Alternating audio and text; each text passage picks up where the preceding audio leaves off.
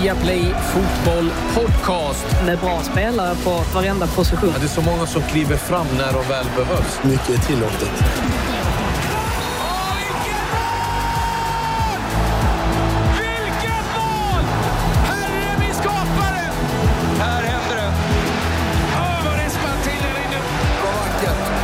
Det är bästa dagen på året. Det största som har hänt fotbollen någonsin i princip. Hjärtligt välkomna ska det vara till Viaplay Fotboll Podcast. Och vi har som vanligt ett eh, fullspäckat schema. Med mig här i I Like Radio-studion en eh, halt och lytt Bojan Djordjic. Skadad Klas. Jag är skadad. Man ska inte träna fotboll när man är nästan 39 år gammal. Och då kommer folk säga, men Zlatan är ju 39 nu i oktober. Jo, han är unik. Ja. Jag är bara skadad. Ja, vi, det är rehabhörnan här eh, på, på Ringvägen 52. Hur står det till i, i London, Frida? Äh, osannolikt bra form måste jag säga, trots att eh, de har eh, infört lite nya restriktioner här för pubbar och sånt. Vilket är lite ledsamt, men eh, jag är glad ändå. Jag gillar att det var puben du var mest besviken över. Inget annat. Frida, vi måste hänga mer. Ja, Jag skulle slänga dig i gymmen och öppna pubbarna. Det, det är mitt val. jag har blivit för engelsk här känner jag. Det är lite oroväckande. Ja, som sagt, vi har mycket att eh, stå i. Vi har bland annat det här. Regeringen stänger ute fansen i ett halvår till. Vi har en intervju med Kieran Maguire, expert inom fotbollsekonomi och han ser en dyster framtid framför sig. Det väntar stor match på Anfield. Liverpool, Liverpool tar emot ett obesegrat Arsenal. Ska Artetas segertåg fortsätta? Vi har en exklusiv intervju med Nemanja Matic då vi pratar kåldormar, eh, cevapcic och fyllda paprikor, Klas. och såklart lite Manchester United. Inte Manchester United. Ja, kanske inte kåldolmar, men eh, vi ska Måste få höra hans vad Nemanja- favoriträtt. Ja, ja, är det kåldolmar? Men det är alla serbes. Det är kåldolmar på vintern, du vet ju själv. Hela balkongen är bara luktar kål, men det, det är bra. Du är bjuden hem till mig på jul. 7 januari, Claes Andersson, Frida om hon är hemma. Hem till familjen Georges, då äter vi kåldolmar. Jag trodde faktiskt bara det var Sverige man käkade Ja, det kåldolmar. Men det här, är, det här är gott, Claes. Lita på mig. Kolla inte på mig så Ja, skeptiskt. Tack. Frida. Claes, kolla på mig här. Det är som att jag nämnde köttbullar och potatismos. Frida, Frida i Trelleborg vet jag, där kan man äta vad som helst. så, så, Jag så sa det, ingenting Frida. Det är Ja, Claes. det är sant. Jönköping sågar Trelleborg. Du vet du hur långt det har Ja, gått. det är kebab. Det är kebab som gäller där. Ja, verkligen, Eh, verkligen. ja, vi, vi kanske ska återgå till det som vi ska handla om. Fotboll givetvis. Och eh, Frida, senaste nytt från England. Mycket snack om ekonomi såklart. Vi kommer ju komma in på det mycket närmare. Det här kring hårdare restriktioner och att publik inte kommer tillåtas i oktober. Ehm, dessutom så eh, har ju Kai Havertz gjort eh, hattrick här nyligen i storsegern mot Barnsley. Eh, mycket snack om det och han plockade många rubriker. Även mycket snack kring Chelseas eh, försvarare. Ehm, Antonio Rüdiger saknades ju här mot Barnsley under gårdagen också, vilket eh, väcker indikationer på att han kanske möjligtvis är på väg bort från Chelsea. Vi får väl se hur det blir med den saken. Ehm, en liten rolig nyhet är att Ryan Reynolds är på väg att köpa Wrexham. Eh, det är alltså ett lag i, i National League i, ehm, och är, ehm, man hittar det i Wales. Och det är ju lite märkligt, det verkar som att det är ganska långtgående förhandlingar kring den saken. Eh, oklart varför han just har valt eh, Wrexham, men eh, det får han, eh, kommer kanske fler uppgifter på det. Eh, här i, i veckan Och de, de som inte har koll på Reynolds kanske förklara vem det är. Ja, det är en skådespelare då som eh, man kan se i diverse filmer. Deadpool är väl kanske hans största roll. Ingen aning, men jag gissar på det i alla fall. Och avslutnings, avslutningsvis så får vi nämna att West Hams delägare David Sullivan har meddelat att det kan bli så illa att West Ham inte värvar någonting innan transferfönstret eh, stänger. Eh, han skickade även en känga till flera icke namngivna spelare och kallade dem för “failed to make an impact”. Vi kan väl gissa vilka han menar. Eh, Det är väl ungefär det som har eh, hänt i veckan. En viss eh, Andersson kanske känner att det En blåser. viss bänk. Varje gång man ser West Hams bänk så tänker man det är de här fyra han är ute efter. Du, på tal om Antonio Rüdiger så ryktas alltså om Barcelona för hans del och så ska de köpa en försvarare från Norwich. Man kan förstå att Messi kanske inte är supersugen på att stanna kvar som det ser ut. Hola Antonio! Eh, ytterligare lite nyheter. Jag måste på tala om det här, för gammal för att spela fotboll. King Kazu, Kashuashi Miusa i Yokohama. 53 år gammal. Han håller fortfarande på och lirar. Han eh, slutade i landslaget för 19 år sedan och då var det en del lagkamrater som inte ens var födda. Men han, han, han keep going strong, det får man ändå igenom. Och eh, på tal om att känna sig gammal, du var inne på D-Lap där eh, Frida. Liam D-Lap i Manchester City. Rory Dillap. Japp, det är hans son Mm. och japp, han kastar också långa inkast. Eh, men eh, han spelar Gener, nu som, som nummer nio och en mycket intressant eh, forward. Och Thomas van Bommel har gjort eh, proffsdebut i Maastricht. Det är alltså Mark van Bommels son. Vidare från Holland. De verkar eh, gilla att chansa lite grann. Ado Den Haag. Eh, de hade ju Pardew som är tränare. Nu har de värvat Ravel Morrison, så det blir ytterligare en eh, chansning. Och eh, Sen ska vi säga det också att Burnley kan bli uppköpta av ett amerikanskt bolag, ALK Capital.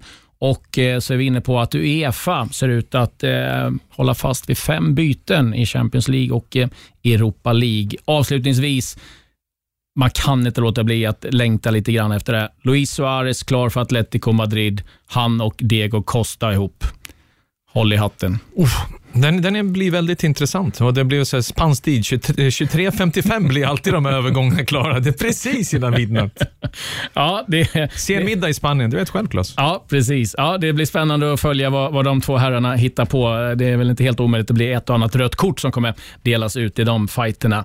Men vi vänder oss nu mot England och eh, vi var inne på det tidigare. Det kom eh, ett besked ifrån eh, engelska regeringen att man kommer stänga ute fansen som det ser ut nu ytterligare ett halvår. Det fanns ju förhoppningar om att det börjar släppa på supportrar in på arenan nu i oktober, men så blir inte fallet. Vi fick en pratstund med eh, experten inom eh, fotbollsekonomi, lärare på University of Liverpool. Han har också en eh, podd som heter Price of eh, Football, Kieran Maguire, och eh, han spår en ganska mörk framtid.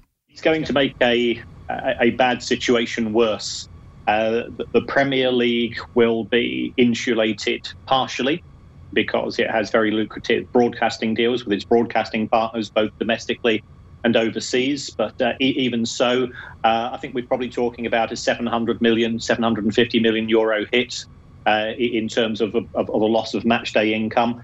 Uh, we- we've seen commercial sponsors uh, pull out of deals or try to renegotiate deals. We've seen broadcasters pull out in China with the Premier League. So all of the all of the revenue issues um, are, are going to be negative. Uh, Premier League clubs had been hoping for some slightly better news. They, they'd started to initiate pilot schemes, which had been successful.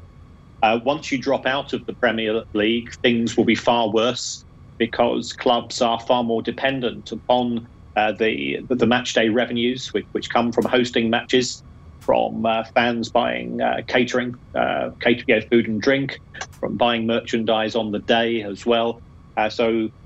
Uh, in the in the EFL, which consists of 72 clubs, some of those clubs, half of their revenue is is coming from match day, and, and it will be a big hit. Three quarters of the teams in the EFL were losing money. Football is is not run uh, from a logical business point of view in this country because everybody's chasing the chasing the rainbow. They're they're trying to get promoted, and, and that comes at a cost in terms of wages and transfer fees. And it would only have taken a small financial crisis to have a significant impact upon football. And what we're facing at present is, is probably the, the, the biggest uh, biggest challenge to the economy since the end of the Second World War. How much money is Premier League losing right now? Um, I, I think the Premier League uh, in total will lose close on a billion euros uh, over the course of uh, 2020 21. Um, and, and the reason for that is I think we've got to be realistic and anticipate no match day income coming in. That will have an impact upon uh, some of the broadcasters who are demanding rebates because the product they, they, they paid for, as far as they were concerned, it was not just 11 versus 11 on a football pitch. It was the, the atmosphere and the environment that the Premier League brings. It's it's an incredible atmosphere at, at, at matches, which is why it's so popular as a as a global product. So I, I think a billion euros is is a, is a realistic. Talking to people in the industry, they are doing all they can to to cut costs, but the biggest cost in football is player wages, and that's the one thing which they're very reluctant to discuss because uh, players could legitimately claim that if clubs try to cut wages, they're in breach of contract, and this would mean that you know the players who are worth multi millions of euros, um, they would be able to walk to another club free of charge. If you look at the Premier League clubs, uh, which one has been hit, in, hit hardest by the fact that there's no um, fans allowed at the stadiums? Well, the club that generates the, the highest amount of matchday revenue is Manchester United. Um, every every home game that doesn't take place at Old Trafford costs the club around about five million euros. On top of that, Manchester United is very very successful uh, in terms of having uh, exhibitions and tours, and it's got the club museum and things of that nature. Uh, it's well known in Manchester. I've lived in Manchester most of my life for offering catering for corporate events and hospitality. So all of that money has disappeared as well. So, so United have been hit, but they are cushioned by the fact that they're they're a global brand and they're very popular with sponsors. Um, that they have, of course, you know, the, the benefits of, of a huge fan base who will still buy some of the merchandise, but they will be hit hard, as will Spurs, Arsenal, and Liverpool, uh, who also have very significant revenues generated on a, regu- on on a regular weekday basis um, from from match day attendances. How worried are you about the future? As, as a lover of football, as a football fan, I'm I'm very concerned because as soon, as soon as you start to crunch the numbers in a spreadsheet uh, from from a business point of view, uh, there's there's no future for many clubs, and the only thing that you can hope for is either some form of government assistance. Now, that might not be in the form of additional money, but it could be an extension or some uh, some composite form of covering of wages, for example. Um, the, the only positive otherwise I can see is that many of the club owners are themselves independently wealthy. They might be willing to continue to subsidise clubs. Um, fans will be fundraising. I know many fans who have paid for their season tickets in the knowledge that they don't expect to see any football, but the most important thing to them is that their club is around in two years, five years, and ten years' time. If it means sacrificing things on an individual basis. Kieran Maguire eh, som då är eh, lärare på University of Liverpool och eh, även skrivit boken Price of Football. Ja, vi ska säga att hela den här intervjun, en längre, finns på I Like Radio. Där kan ni höra mer hur han talar om vilka klubbar som ligger risigt till och ehm, ja, det allmänna tillståndet i engelsk eh, fotboll. Frida, din eh, spontana reaktion på det han säger? Nej, alltså att det är väldigt oroväckande då framförallt för Championship-klubbarna, precis som han är inne på. Eh, så nämner han ju här att Manchester United är de som drar in mest pengar på en matchdag, så att säga. Men Arsenal är tvåa på den listan, enligt The Times i alla fall. Jag läste en artikel där. Och att de drar alltså in 24,3% av deras totala intäkter kommer alltså från matchdagar och det är ju en otroligt hög siffra kan man tycka. Så att man får ju se här hur det kommer påverka ja, dels då Arsenal men dels också såklart alla eh, klubbar i, i Championship och deras framtid. Bojan, det är lätt att man hamnar bara på, på Premier League i tanken, men du har liksom levt och andats och bott i England och spelat i, i Championship i olika städer. Du vet vad fotbollen betyder. Vad, vad, vad, innebär Vi har sett Macclesfield gå under, vi har hört att Bolton ligger risigt till, Charlton, Reading, andra klubbar. Vad, vad, hur orolig är du? Ja, väldigt orolig. Och det är mest, eh, inte bara Championship, utan League 1, League 2. Folket lever verkligen eh, för sin klubb, sitt lag. Eh, det är inte lite som i Sverige om man kommer från mindre orter som alltid någon stor klubb man håller först på, sen går man till sin lokala klubb. Utan där, om du är från Plymouth, det är Plymouth Argyle för hela slanten och det är också en klubb som lider eh, väldigt mycket och det är publiken som drar in pengarna. Det är publiken som gör det möjligt för spelarna att ha mat på bordet och få klubben att kanske överleva eller trycka uppåt i tabellen. Så att det var en väldigt mörk intervju, men det, det är just det vi le lever just nu, det är den här bubblan vi har. Inte bara på plan, även utanför plan, samhället i sig. Folk som förlorar jobb, eh, stora sponsorer, företag som vill omförhandla, för de ser ju sin sits att de drar inte in några pengar, utan det är bara utgifter hela tiden. Så att eh, vi lider ut tack vare, eller tack vare den här pandemin. Så vi måste ju härda ut, vi måste, vara, vi måste vara starka och vi måste hela tiden sluta tänka på de stora klubbarna. De kommer ju överleva, det är, det är, garanti, det är garanti. Det är ju de här mindre klubbarna, de som har varit som Macclesfield, 127 år gammalt. Det är sådana där klubbar man måste värna om och vilja se fortsätta och inte lägga ner sin verksamhet efter så många år och hårt slit. Mm, det är ju också så att eh, ligorna bakom proffsligorna skulle ju startat nu i oktober med tanke på att det blev publik. Nu vet man inte ens om de kommer att eh, starta den här säsongen. Vi har alla anledning att återkomma till det. Nu riktar vi fokus mot eh, Premier League och det är en stor match som väntar den här omgången. Jag har höga förväntningar på den här matchen. Två anfallsinriktade lag. Det är ett stormöte verkligen, eh, Liverpool mot eh, Arsenal. And they meet for the FA Community Shield. Now to Aubameyang. He's going to make another mark on a Wembley game? He has done. And Arsenal take the lead. Well, a shout for handball. The ball's ended up in the back of the net and the goal is given. And Minamino came onto the scene. Well, Ryan Brewster for the penalty shootout you felt. So this is his moment. Oh, and he hasn't converted. So the gamble hasn't paid off for Jurgen Klopp with that late change. Now he has to score to keep Liverpool in this shootout. And Jones wins the duel. And Liverpool are still in it. Aubameyang for Arteta. For Arsenal. He's got his Wembley double. Yet again. And Arsenal have the FA Community Shield. De vann FA-cupen och vann Community Shield. De har vunnit sina två inledande matcher. Det har väl sett sisådär ut kanske spelmässigt, men eh, det är full pott. Nu väntar ett riktigt test för Arteta mot eh, Liverpool. Ja, det är verkligen ett test, men det är fortfarande ljusår mellan Liverpool och Arsenal och den fotbollen du förespråkar. Arteta har kommit såklart ett steg närmare. Jag sa det i studion förra veckan, bara Arsenal inte gör en Arsenal. Så efter FA-cupen, Community Shield, att man börjar säsongen svagt mot två motståndare man ska bara besegra. Det behöver inte se vackert ut, men det är viktigt att poängen kommer på tavlan, att vinnarkulturen kommer. Mot West Ham var de inte alls bra. De har turen med sig att de kunde avgöra, men de avgjorde. Föregångna säsongerna kanske under Meris hade matchen slutat 1-1 eller West Ham hade kontrat in ett 2-1 mål, men nu kom ju en Ketia och gjorde sitt 2-1 mål. Sex poäng på tavlan, övertygande seger i, i ligacupen i veckan också. Så att självförtroendet är på topp, men det möter också ett Liverpool som verkligen kan skruva upp när det behövs.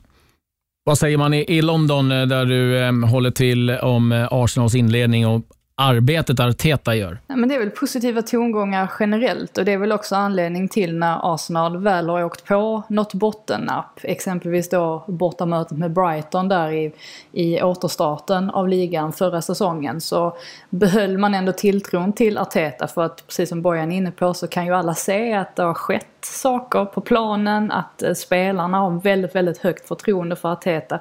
Och att Aubameyang då bestämde sig för att stanna indikerar ju ännu mer att det är ett lag som mår väldigt bra. Sen måste de ju lyckas skruva på sin förmåga så att de lyckas hålla den över 90 minuter. För att just nu i nästan varenda match så ser vi segment eller kanske en halvtimme, eh, 40 minuter eh, som kan vara väldigt, väldigt bra spelmässigt. Men att de kanske tappar lite eh, i andra perioder av matchen. Så att de behöver liksom hitta en mer jämn nivå. Men det är ju såklart ett steg framåt att man lyckas vinna de här tajta matcherna när man kanske inte spelar så bra som man exempelvis gjorde då mot West Ham. Lite intressant tycker jag, liksom att, och det var ju spekulationer inför matchen eh, i kuppen igår mot Leicester.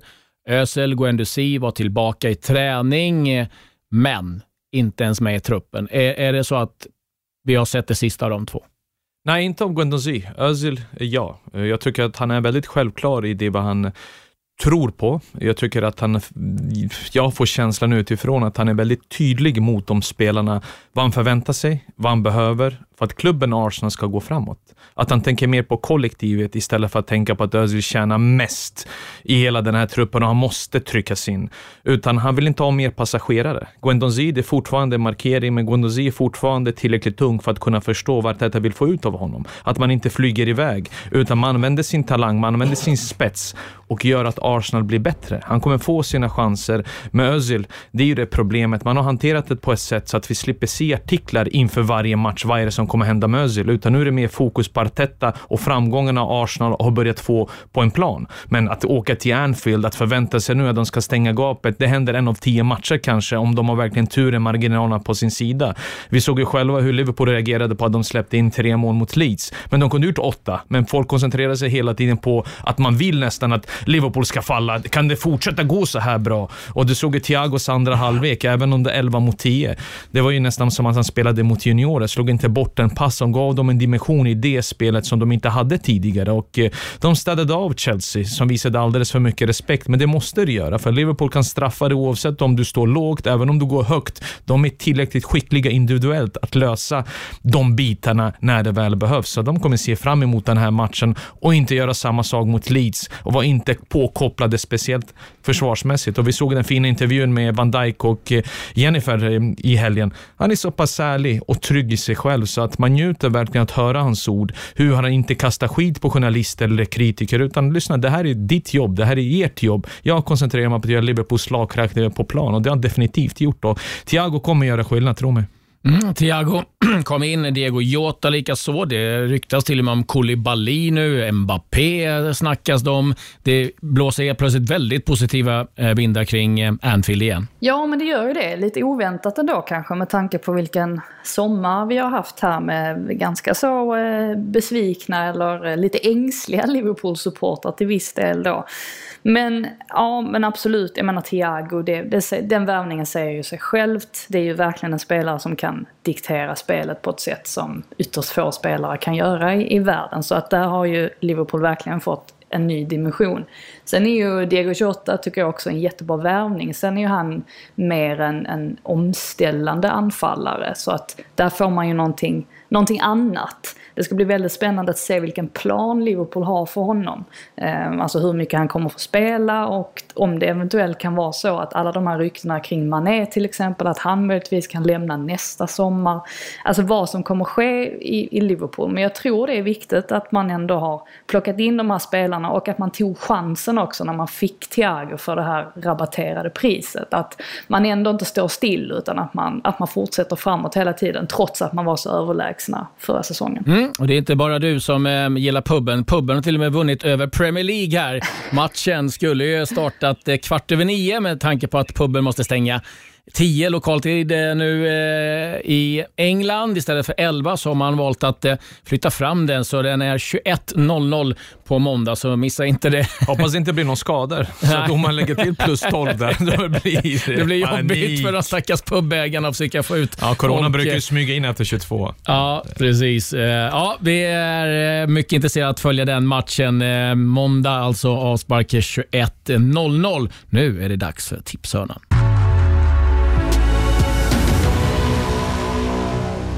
Vi rullar vidare och vi blickar framåt och eh, vi har nu en exklusiv intervju att eh, bjuda på och det är Manchester Uniteds eh, mittfältsgeneral Nemanja Matic. Yeah, beginning of the season was hard for me. I didn't I didn't play a lot, of course. For every uh, professional football football player, it's hard when you when you are not in a, in a squad. But I always try to, to do my best to work hard and uh, to be physically ready, mentally ready, and when the chance comes, that I can do my best and to use that. So I'm happy how I finished the last season with my personal form, of course, and uh, I think that uh, I helped the team.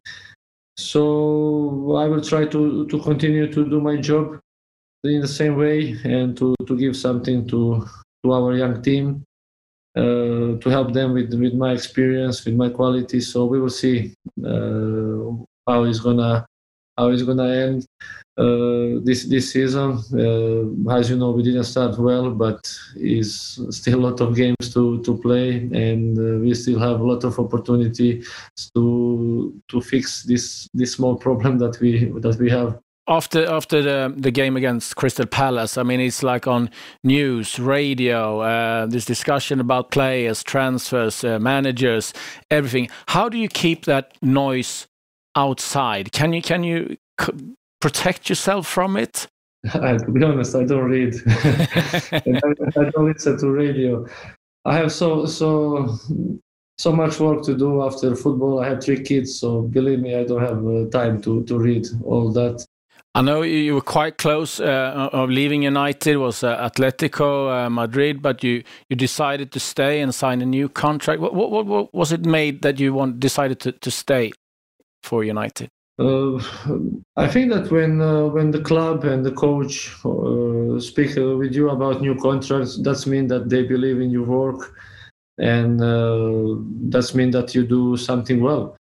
So when they offer me to to stay to sign new contract, of course that um, I wanted to use this chance because not every player has opportunity to to play for Man United. So for me, it was an honor, it was a pleasure to to stay and to be part of this team. So my decision was not uh, was not hard. Uh, was not hard to make that decision.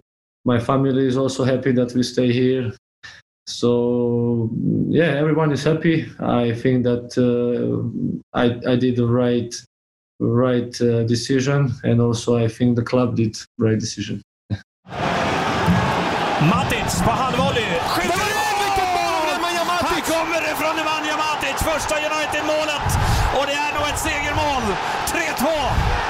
What's the target set for this season within the team? Premier League, of course, uh, target to, to compete for that. We are in Champions League. We want to do our best to see if we are ready to compete with the best teams in uh, in Europe.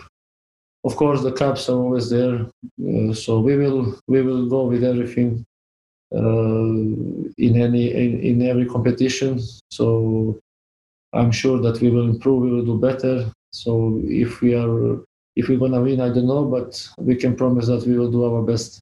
What does Gunnar Solskjaer bring, bring as a manager?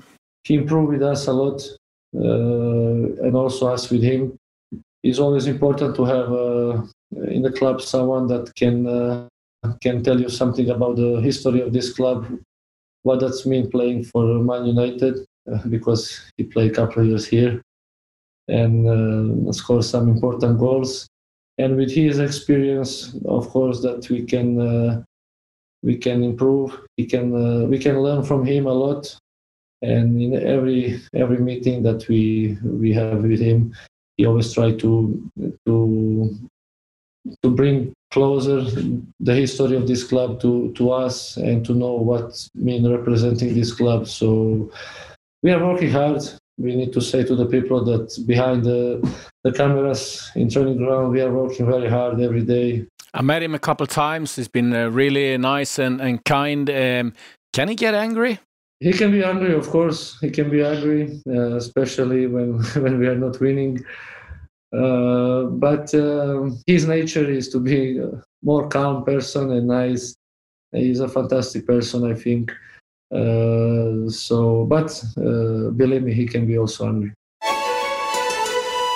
Ja, Bojan, eh, det är en eh, vän till dig. Eh, vad, vad, vad, kan vi inte prata med Frida först? För att nu kommer du gå in på Manchester United. Och jag var ganska glad och stängt av min telefon efter förgångna helgen. Så tänkte låt Bojan vara lite i fred. Men du, vad, vad, vad säger du om eh, Matic avslutning förra säsongen? Grym. Eh, det var någonting jag inte förväntade mig efter den dåliga hösten. Han var ju på väg bort. Det var bara några minuter ifrån att han skulle dra flyttlasset eh, mot Spanien. Vi behöver inte gå in i, i klubbnamnen, men han bestämde sig stanna kvar efter Scott McTominays skada. Han är så pass professionell och det säger jag. brukar ju ofta säga till dig att det är inte många som det här psyket och det är någonting med namnet Nemanja. Eh, Nemanja Vidic hade stålpsyke och det har Matic också. Eh, många Balkanspelare, speciellt i klubbar de har varit i innan, när de har vunnit saker så får man lite mer hybris, man flyger iväg och man vill bli behandlad med respekt. Och när man ser då kanske en junior från egna leden ta ens plats, då vill man bara bort. Då skiter man i det kollektiva träningen, att man måste vara professionell. Men vad han har gjort, det är imponerande. Att vara professionell dag in, dag ut. Det är därför också han hade möjligheten att göra en så pass stark vår, eftersom han ville visa oss, han ville visa supportrarna, Ulla-Gunnar och sina lagkamrater att han inte var sluten. Och statistiskt sett, du vet jag hatar ibland statistik, men många nämner det alltid. Kolla bara på hur många matcher som man har startat, hur många gånger United har hållit nollan. Även ligacupen, skit i det Lutzen. Det är fortfarande att man håller nollan och släpper inte till lika mycket möjligheter där chanserna finns framför sin backlinje. Han var inte med i senaste matchen när det blev förlust mot Crystal Palace. Det är svårt att slå hål på Crystal Palace, så det gäller att det är fart idag hos eh, Manchester United. Annars så står det här laget rätt hela tiden under 90 minuter. Mitchell. En dum boll. Upp mot Lindelöf. Titta där borta då! Det är 1-0 för Crystal Palace! Andrews Townsend firar sin 300 ligamatch med att göra 1-0 på Old Trafford. Det är straff för Crystal Palace. Lindelöf får bollen på armen. Crystal Palace får straffspark vid ledningen 1-0. De Gea klarar! De Gea klarar! Va? Nej, det går om. Han, var, han var inte på linjen förmodligen. Zaha för 2-0. Längre ansats mot de Gea. Och där sitter den. Det är 2-0 till Crystal Palace, men de fick ju hjälp av den här straffen och de fick ju slå den två gånger till och med. Och det är upprörda miner nu och känslor naturligtvis i Manchester United. Oj, där får han med sig bollen. Där får han med sig bollen. Det är mål, det är mål, det är mål. Det är Zaha. Slängt det värsta andra målet mot den klubben som han inte fick plats i. Det är 3-1 för Crystal Palace. Martin Atkinson blåser av den här matchen. Crystal Palace och Roy Hodgson är hundraprocentiga efter två matcher. Och en tung, riktigt tung start på säsongen för Manchester United, Ole Gunnar Solskjaer.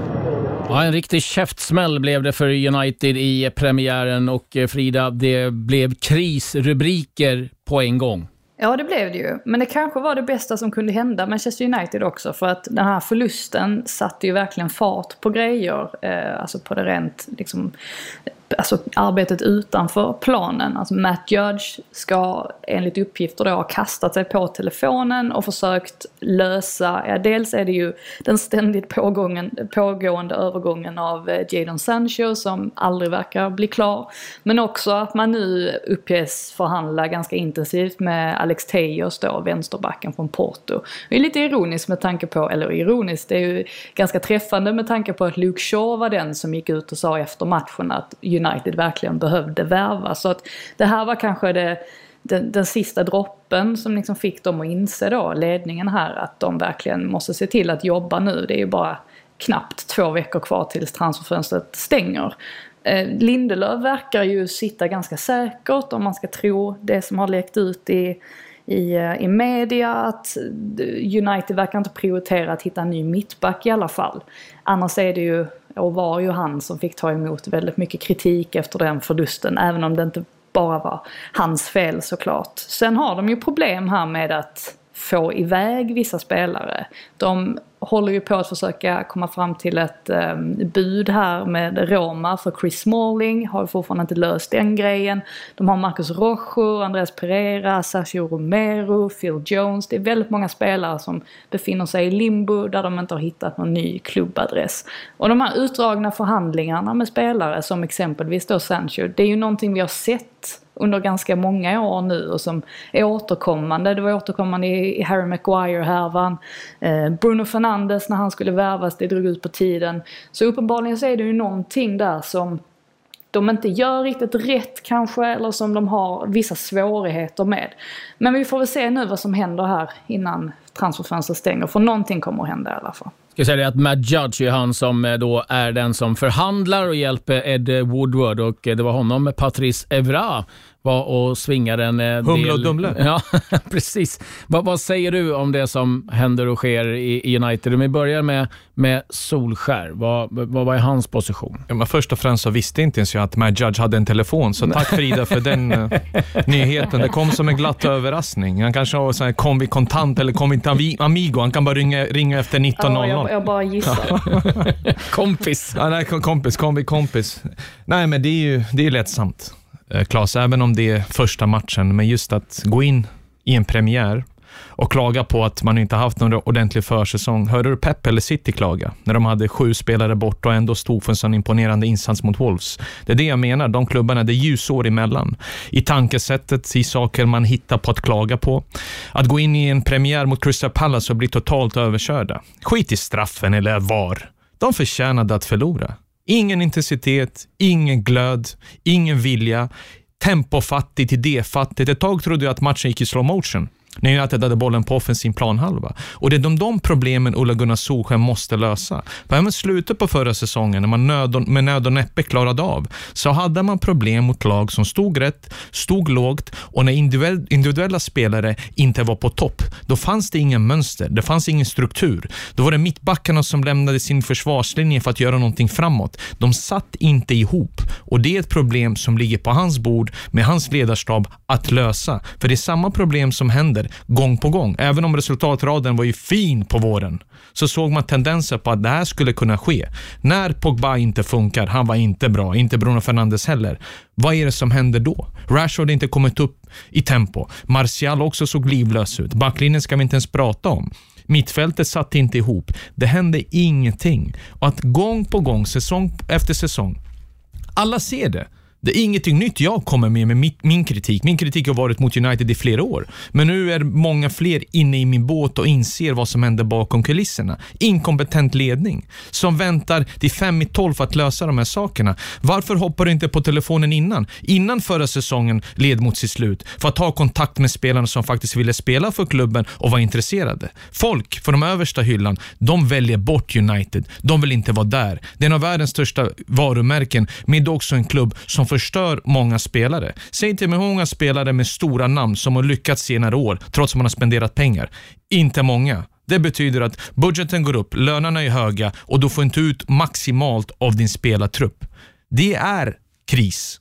Och Det är en djup kris och det är en tuff bortamatch att vänta mot Brighton. Det är seger som räknas, men också att folk, folk faktiskt får tillbaka sitt lag. Jag tycker att Glazers har kidnappat klubben.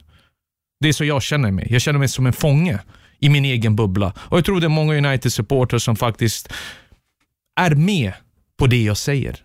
Så här kan det inte se ut längre. Det har varit för många år, dystra år. Och pengarna går åt för fel spelare, fel rekryteringar. Alex Tejes kommer inte lösa biffen. Men det är den spelaren som kanske vill komma för att få honom med en upgrade. Var är Jadon Sancho? Det var som Bruno Fernandes, ett år sent, ett år sent. Kommer han se, hoppas han inte såg matchen mot Palace i alla fall, Jadon Sancho. Då kommer han säga att det är kul att spela med de ungdomarna i Dortmund istället och vänta på någonting bättre. För han måste ju komma dit i vetskap att den här klubben kommer göra honom starkare, bättre och befästa sin landslagsposition. Där utvecklingskurvan måste peka uppåt, inte neråt som det gör på de flesta fötterna. Frida, vi såg... Och förlåt, högersidan, vi har aldrig se United-tröja mer. Helt ärligt, Timothy Fosu Mensah och Daniel James startar en premiäromgång mot Crystal Palace. Crystal Palace högersida är ju starkare än Uniteds och det ser en hel del. Frida, eh, vi, vi eh, har kanske många av oss, eller i alla fall United-fansen, sett den här videon Patrice Evra spelar in på natten, eh, där han eh, hängde ut eh, både den ena och den andra, framförallt Matt Judge.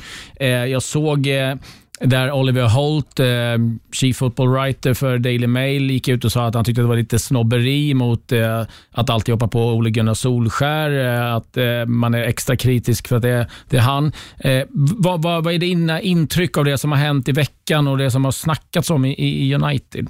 I England, förlåt. Ja, men det är väl främst att man försöker hitta någon att skylla på. Ehm, det, var ju, det är ju alltid lätt att eh, skylla på Ed Woodward, det är lätt att skylla på Matt Judge såklart. För att det är ju de som ska se till att de, förhandling, de här förhandlingarna genomförs.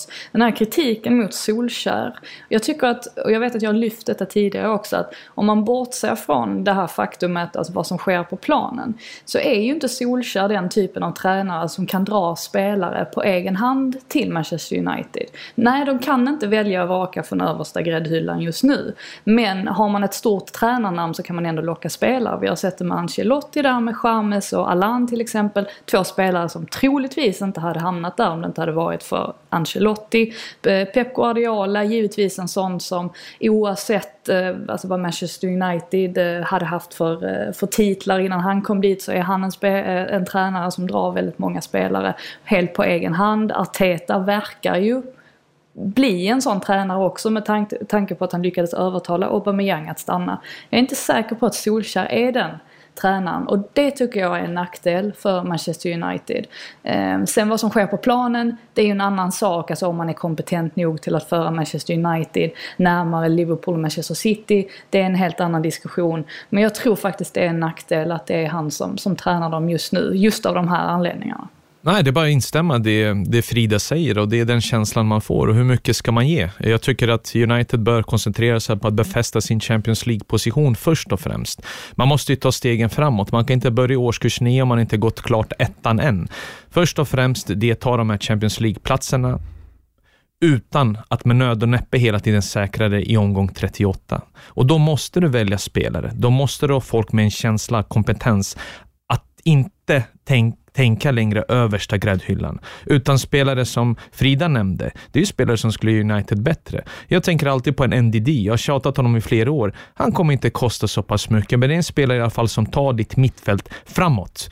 Han har åldern på sin sida och därav, när du har börjat stänga ner gapet, då kan du locka till dig större spelare för att komma till den här truppen. Jag tror många stora spelare, stora namn tänker, den här klubben mår inte bra. Om vi tycker så utifrån och hela tiden diskuterar den här berg och dalbanan, då står någonting inte rätt till. Och det är många spelare, som jag nämnde här tidigare innan Frida pratade, som har misslyckats i United, men som har gått vidare och verkligen fått ett lyft. Och så ska det inte vara. United var en klubb förut när du kom till utvecklingskurvan pekade rakt upp. För det var en klubb som mådde bra både på plan och utanför. Det som händer nu är dystert, men de som tror att ägarna kommer lämna, glöm det. De kommer fortfarande vara där, men de måste också inse att det handlar inte bara om att plocka ut pengar och fylla sina egna fickor, utan de måste ha en slagkraftig klubb, en slagkraftigt lag på plan som faktiskt konkurrerar om titlar. Det handlar inte bara om att dra in pengar, utan du måste konkurrera om titlar. Annars kommer det brista som det har gjort för dem, eller majoriteten, nästan alla United-supportrar som verkligen brinner för sin klubb. För det är svårt att hitta på ursäkter och se positiva tongångar. Det räcker. Berg och dalbanan, United är ingen berg och dalbaneklubb. Och nu har det gått för många år med det här, så de måste ta sig själva i kragen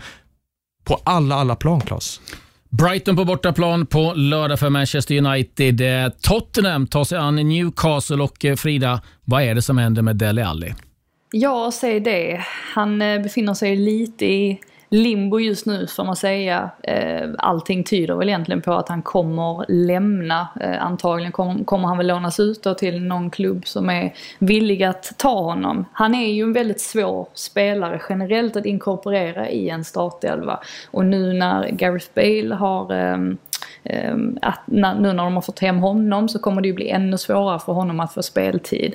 Och ja, det, det, är svårt det här för att Dele Alli är ju verkligen en spelare som symboliserar så mycket Spurs för så många supportrar. Samtidigt som han då inte har varit bra på ett ganska långt tag. Det här är ju inte på grund av Mourinho främst utan han, Dele Alli hade ju problem även under Pochettino. Hade väl till viss del kanske att göra med att Christian Eriksen då fanns i laget vilket gjorde att Dele ibland fick ta en liten djupare position i planen. Men det visar ju återigen att han ibland kan vara en ganska svår spelare att få in i en startelva. Men hela Tottenham egentligen är ju på väg in i en ny sorts epok. José Mourinho var ett litet första steg på det när Daniel Levy eh, anställde honom ihop med hela den här dokumentärserien som inte riktigt kändes som Spur, alltså en Spurs-grej att göra eller en Daniel Levy-grej att göra. Och ett annat tecken var ju dessutom att de plockade in Alex Morgan till damlaget. Eh, kanske, ja men hon är ju absolut ett av de största kvinnliga fotbollsspelarnamnet i, i världen. Och det visar ju på något sätt att då ihop med Gareth Bale och Serge Reguljon inte minst att Tottenham är på väg in i en ny sorts epok. Jag är inte riktigt säker på att Dele Alli kommer vara en del i det. Jag tror i alla fall att det hade varit väldigt hälsosamt för honom att få uppleva en annan miljö. Men vi får se vad som sker för att Livi vill jättegärna behålla honom. Mourinho gick ut här på presskonferensen häromdagen och ville ha mer vilja och eh, attityd från honom och, och la liksom över väldigt mycket av ansvaret på Dele Alli. Så att eh, nej, vi, vi får se eh, hur det går. Men jag har ju full förståelse för att det är en utlän, utlåning i så fall som liksom berör Spurs-supporterna. För Dele Alli har ju varit en väldigt stor del av, av Spurs under en lång tid. Och Dele Alli en framtid i Spurs? Ja, det har han. Jag hoppas verkligen att han tar den här kritiken från Mourinho på ett bra sätt. Jag tycker det finns en ledare i honom, det finns en spets, det finns en höjd. Frida är helt rätt inne på det nu, så han har inte varit bra på ett tag. Men vet ju vad som finns i den här kroppen och eh, på nytt född Delali kommer göra den här truppen, det här laget mer slagkraftig. Nu gäller det bara att han reagerar på rätt sätt. Att han tar till sig de här sakerna istället för att tycka synd om sig själv. Att visa alla att han vill vara kvar i Tottenham, att han har en framtid där. Och med tanke på nyförvärven de har gjort och förhoppningsvis blir kanske Skriniar också klar. Det betyder att den här truppen får nya röster in i omklädningsrummet. Det är inte samma spelare hela tiden. Det är mer glädje kanske, mer energi. Och efter andra halvleken mot Southampton så ser ju till Spurs-supportrarna fram emot Newcastle eh, på hemmaplan. För den här första halvleken den var allt annat än bra. Men fem mål.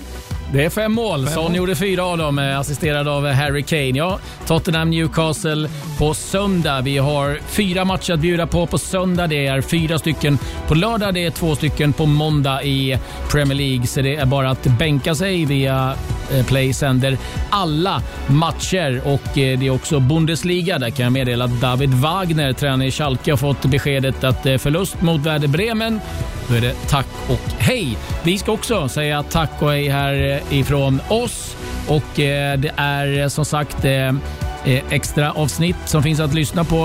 Intervju med Kieran Maguire, det kommer finnas Nemanja Matic, det finns eh, van Dijk sen tidigare. Med det säger vi lite halta lytta härifrån I Like Radio-studion. Tack för oss. och, och, Frida, jag hoppas att du får en härlig dag. Du ska ju få gå på matcher nu hörde jag. Ja, jag är jätteglad. Jag ska få åka till både Brighton och Tottenham, så det blir kul. Härligt, härligt. Då önskar jag dig en eh, trevlig helg. Och så säger vi tack och adjö.